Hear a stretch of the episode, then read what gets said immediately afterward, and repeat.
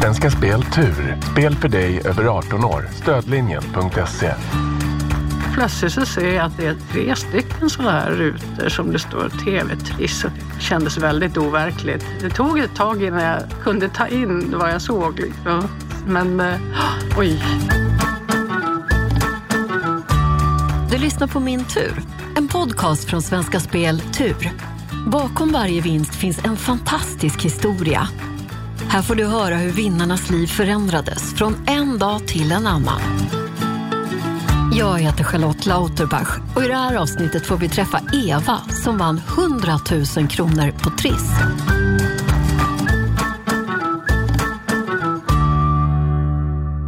Vad kul att du vill vara med i Min tur, Eva. Ja, det är roligt att vara här.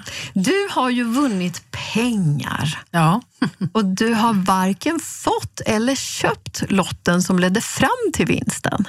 alltså jag hittade en 10 kronors lott, en sån här minitriss. Hittade på trottoaren när jag var ute och gick. Jag kan inte låta bli att ta upp sådana saker för att jag tänkte det kan, man vet aldrig. Tänk om jag gått förbi och så kommer nästa person och tar upp den och så är det en sån här vinstlott. Så jag tar alltid upp och så tänkte jag, oj, det var en vinstlott, 30 kronor, vinst 30 kronor. Och då tänkte jag så här, ja men då har jag ju råd att köpa en sån där dubbeltriss. För då kostar det ju bara 30 kronor. För då har jag ju vunnit 30. och det var på den jag vann. Ja, men det är fantastiskt.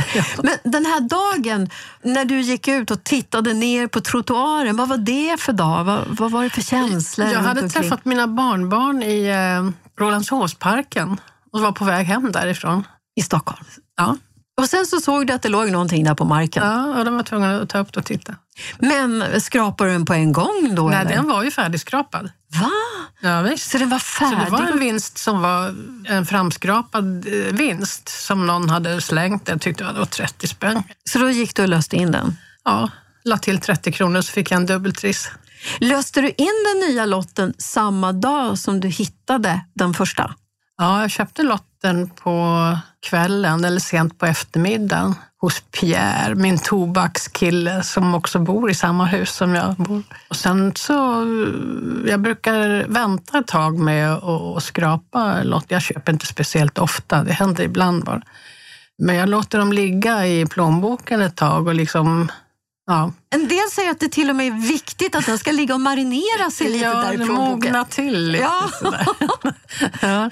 Men eh, så glömde jag bort den och så satt jag och tittade på film på kvällen. Just det, just det, jag måste skrapa.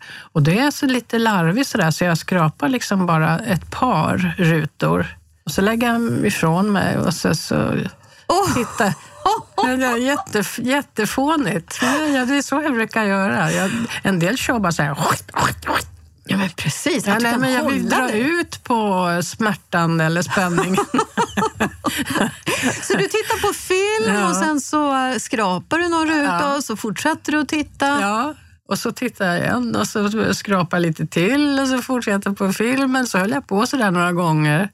Och plötsligt så ser jag att det är tre stycken sådana här rutor som det står TV-triss. Och nej, det måste vara fel.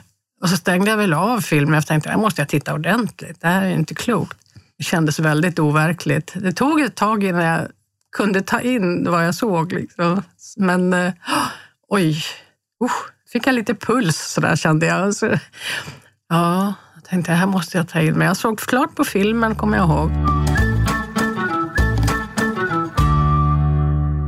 Hur ska jag hantera det här? Jag, jag ska inte berätta det för någon. Det var det första jag tänkte. Jag ska inte berätta det för någon. Varför då? Nej, jag vet inte. Det kändes lite sådär att det kanske blir en massa prat och jag vet inte. Ja, sådär. Nej, jag behåller det för mig själv tänkte jag. Så innan jag gick ner till tobakskillen så eh, ringde jag till Svenska Spel och så sa jag så här, jag tror att jag har eh, skrapat fram en vinstlott här på Triss. Okej, så han. Eh, vi gör så här, vänd på lotten så ser du att det står en hel eh, radda med siffror på baksidan. Rabbla upp dem för mig. Ja, gjorde jag det. Det var jättemånga siffror. Och så, så sa han så här, jaha, vänta ett tag. Jag kommer tillbaka strax. Ja. Och så eh, kom han tillbaka och sa jaha, men du, det här kan bli problem.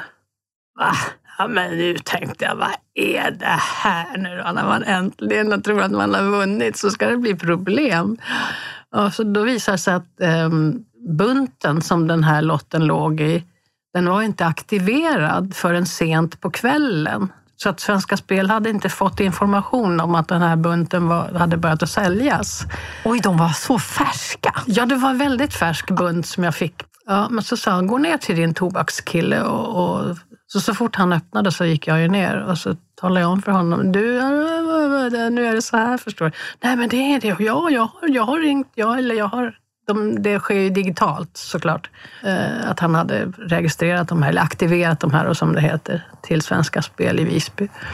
Så, så det ska inte vara några problem. Gå upp och ring dem igen. Ja, så ringde jag. Ja, men nu är det klart. Så, och då blev det stresspåslag igen. Ja, men då fick jag puls igen. Tänkte, men vad är det här nu då? Jag förstår det, men jag tycker det, att du är väldigt cool. Det var, det, var, det var lite drama där ett tag. Jag förstår det, men du är ändå väldigt cool. För mm. du lät hela natten vara... Sov ja, ja. du ordentligt då? Det kommer jag inte ihåg. nej. Ja, nej. Men Pierre då, vad sa han för någonting? Han blev ju jätteglad. Han, han vet att, att eh, vi känner ju varandra. Det blir ju sådär när man bor i samma hus också. Så, så har man ju liksom följt varandra. Han vet att jag har haft det väldigt jobbigt ekonomiskt, att jag har fått kämpa som sjutton för att kunna bo kvar i min lägenhet och sånt där. Och, ja, det var du som skulle vinna. Ja, det var precis rätt person som vann. Och så jag hoppas att det blir mycket pengar. Oh. Så Men så fick ju du också dela det med någon mer. Så du kunde ju inte ja. behålla det helt och hållet för dig Nej, själv? Han, eftersom eh, jag talade om det för honom och sen talade jag om det för min keramiklärare där jag går på en verkstad. Så frågade jag honom, kan du bevara en hemlighet? Kunde jag inte hålla mig. Så visade jag en bild på lotten i min telefon. Så höll jag fram den och så sa Oj, sa han, det här kan ju förändra ditt liv. Ja, jag vet, det är jätteläskigt. Ja, jag lyckades hålla mig två månader. Det var väl kanske två, tre som visste om det. Mina barn visste inte om det. Nej, men hur kunde du hålla dig för dem? Ja, nej, men jag tänkte att lite hemligheter ska man väl få ha. Mm. Även om man är mamma och mormor. Mm. Men var det till och med så lite kul att jag har en hemlighet? Ja, jo, ja. jo. Men firade du för dig själv på något sätt? Inte förrän efter den första juli. Jag höll det där väldigt sådär, man vet aldrig vad som händer och sådär. Jag, var, jag är lite så skrockfull också. Och första juli, det var alltså? Det var när jag satt i TV4-studion. Hade du vunnit någonting tidigare? Jag vann en tusenlapp på en trisslott, men det är några år sedan. Annars har jag inte Nej.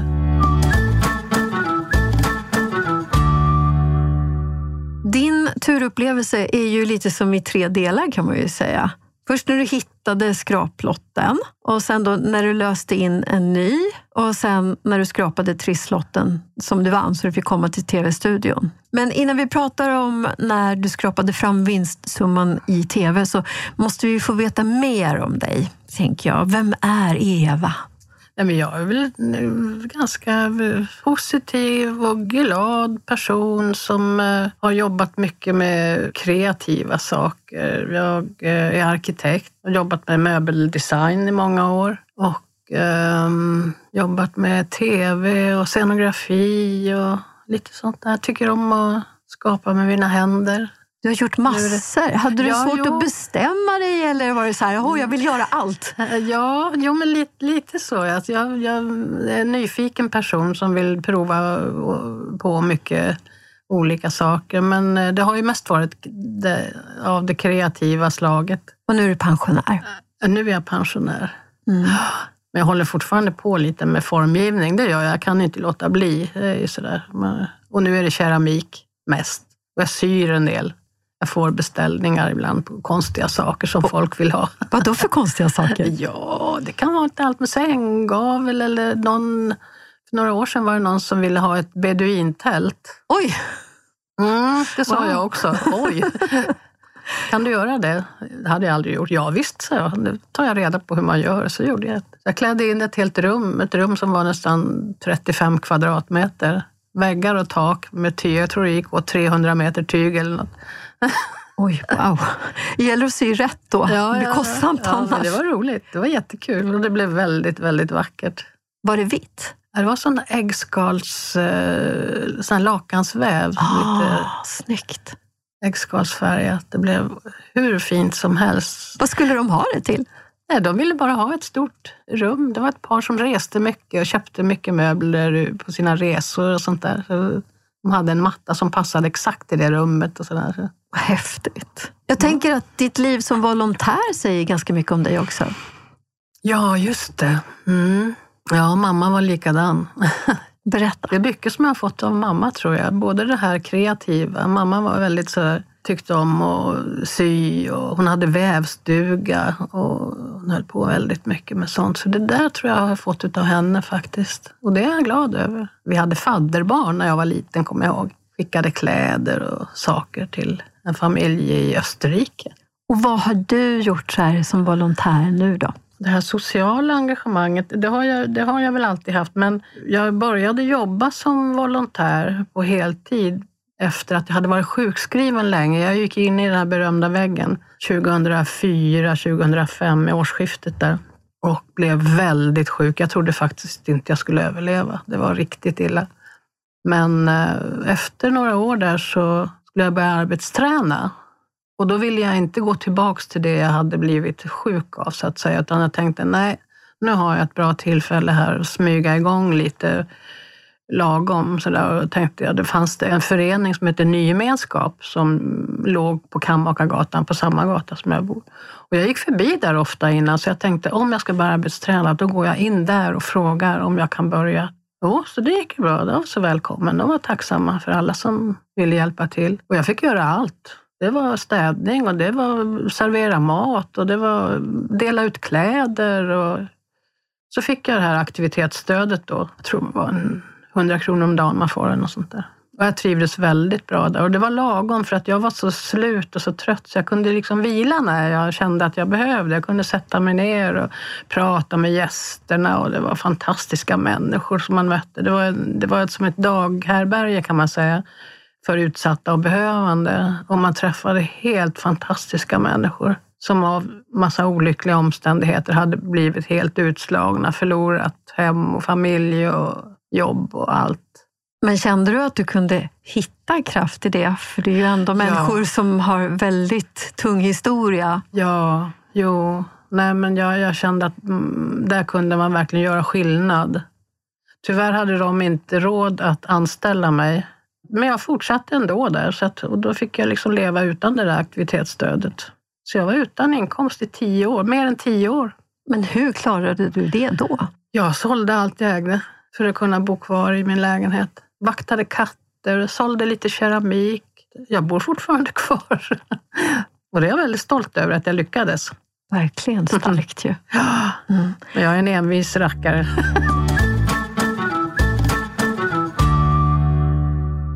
Första juli. Det var en speciell dag också för programledarna i tv-studion har jag förstått. Mm. Jag kände direkt när jag kom in, de är mer nervösa än vad jag är. Är det sant? ja, jag var ganska cool sådär. Och de, alla var så vänliga och trevliga och sådär. Så att det, man fick ju väldigt bra instruktioner hur man skulle göra och vad man inte skulle göra och sådär innan. Man, Men varför Så- var de så nervösa då? jag vet inte. de hade inte haft någon i studion på nästan ett år. Så att det, det var väl kanske det. Jag vet inte. Det var första gången sedan coronauppehållet som Mm, lotten skrapades i studion igen. Just det.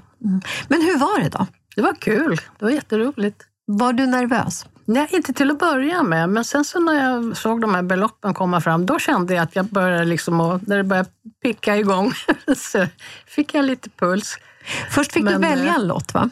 Ja, just det. Ja, vad valde du då? Hur Jag valde du? nummer sju. Det har varit mitt eh, lyckotal hela mitt liv. Jag är född den sjunde. Och eh, äh, jag kör på det. Jag tänkte, om jag köper en lott så vill jag gärna ha en som slutar på sju. Mm. Men du kunde ju inte göra nu som hemma och sitta och titta på en film Nej. och lägga undan. Och så här. Nu var du tvungen att skrapa den här gången. Ja, jo, just det. Jag kommer ihåg att jag började skrapa. Då stod det fem miljoner. Då la den där. Ja, men då slutar vi där, sa jag. Ska vi... Ja, just det. Men det fick du inte. Nej, det måste vara tre stycken likadana. Ja, Okej då. Ja. Nej, men det var ju helt otroligt. Det var det, 100 000 kronor för en fattig pensionär. Det är ju otroligt mycket pengar. Så att jag, jag menar, jag var ju otroligt nöjd med det. Väldigt nöjd. Men jag tänker så här, 100 000 kronor, det är det minsta Mm. som man kan vinna. Så du kunde ju ha vunnit 5 miljoner kronor. Mm. Ja. Och du är inte besviken. Nej, nej, nej, nej, nej. Nej, oh nej. De kommer räcka i två år, de här pengarna. Har du räknat ut det? Ja, Vi ska se, miniräknaren. slutet på 24 månader. Ja, 100 000 delat med 24. 4 166 kronor. Mm. Det är väldigt mycket jämfört med att inte ha haft någonting alls. Men jag, jag hade ju väldigt bra lön innan jag blev sjuk. Jag jobbade ju med designuppdrag och ritade möbler som sålde väldigt bra. Så där. Så att jag vet ju hur det är att kunna göra vad man vill, köpa det man vill ha och, och så. Jag vet ju hur det är. Men man vänjer sig lika snabbt vid att inte ha någonting. Konstigt. Människan är väl ganska fantastisk på det Ja. sättet ändå. Att Ja. vi finner oss i situationen. har inget val. Men eh, det var någon, en väninna som sa till mig, ja men du ser, sa hon, när hon fick reda på att jag hade vunnit. Du ser, karmalagarna fungerar. Mm. Ja. Åh, vad fint. Mm. Du är väldigt rörd nu. Mm. Mm. Jo, jag känner det. Jag är så glad att jag kan visa för mina barn också att jag mår bra. Det är glädjetårar Mm. nu. För du får nästan mig att gråta lite här också. Ja. Jo, nej, men det betyder så otroligt mycket. Jag menar, om man, folk får reda på att man har vunnit och just det här, det här beloppet också. Ja, men varför är du glad för det? Det visste du ju redan. Hur kan du vara glad för det? Varför? Ja, ja, men det betyder jättemycket. Men har man pengar så förstår man inte det. Man kan inte sätta sig in i hur det är att inte ha någonting. Hur ser din framtidsdröm ut då? Min framtidsdröm? Jo, jag, jag, jag ser verkligen fram emot att få följa mina två härliga barnbarn och hur de växer upp. Och jag jobbar på att försöka att skapa en väldigt bra relation med dem, för jag känner att det är jätteviktigt. Min man dog ju på 80-talet. Jag blev änka när jag var 32 bara, så han finns ju inte kvar. Men eh, hans dotter fick ju två pojkar för åtta år sedan. Den äldsta är åtta och den yngsta är tre.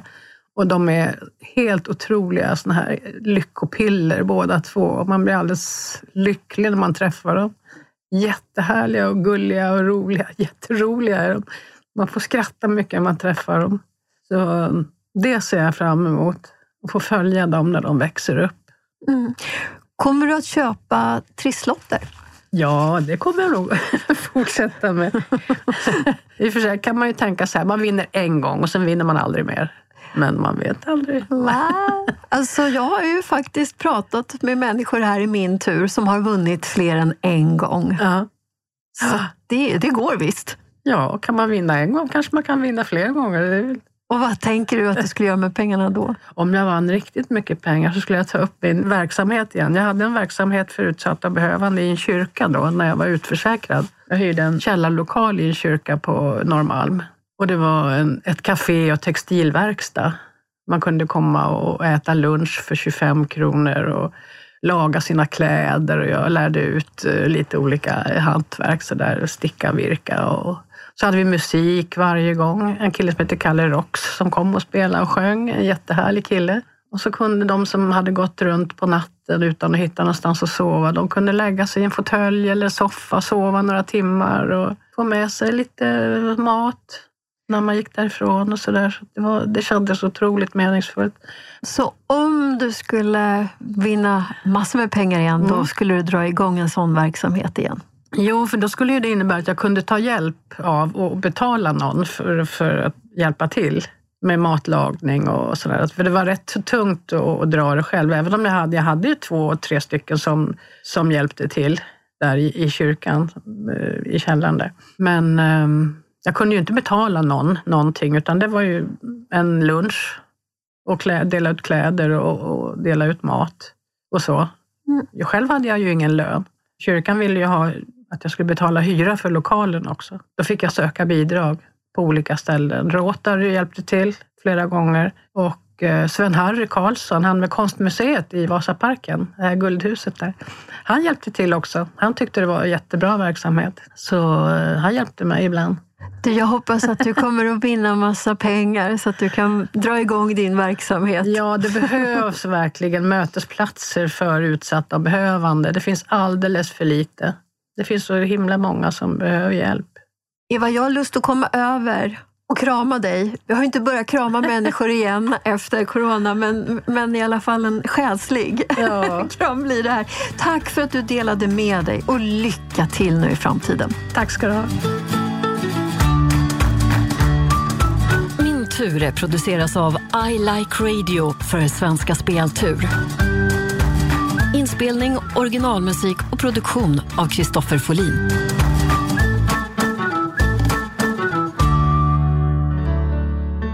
Har du eller någon du känner en bra vinnarhistoria? Hör av dig till vinnare svenskaspel.se. Och du, missa inte nästa veckas avsnitt. Produceras av I Like Radio. I like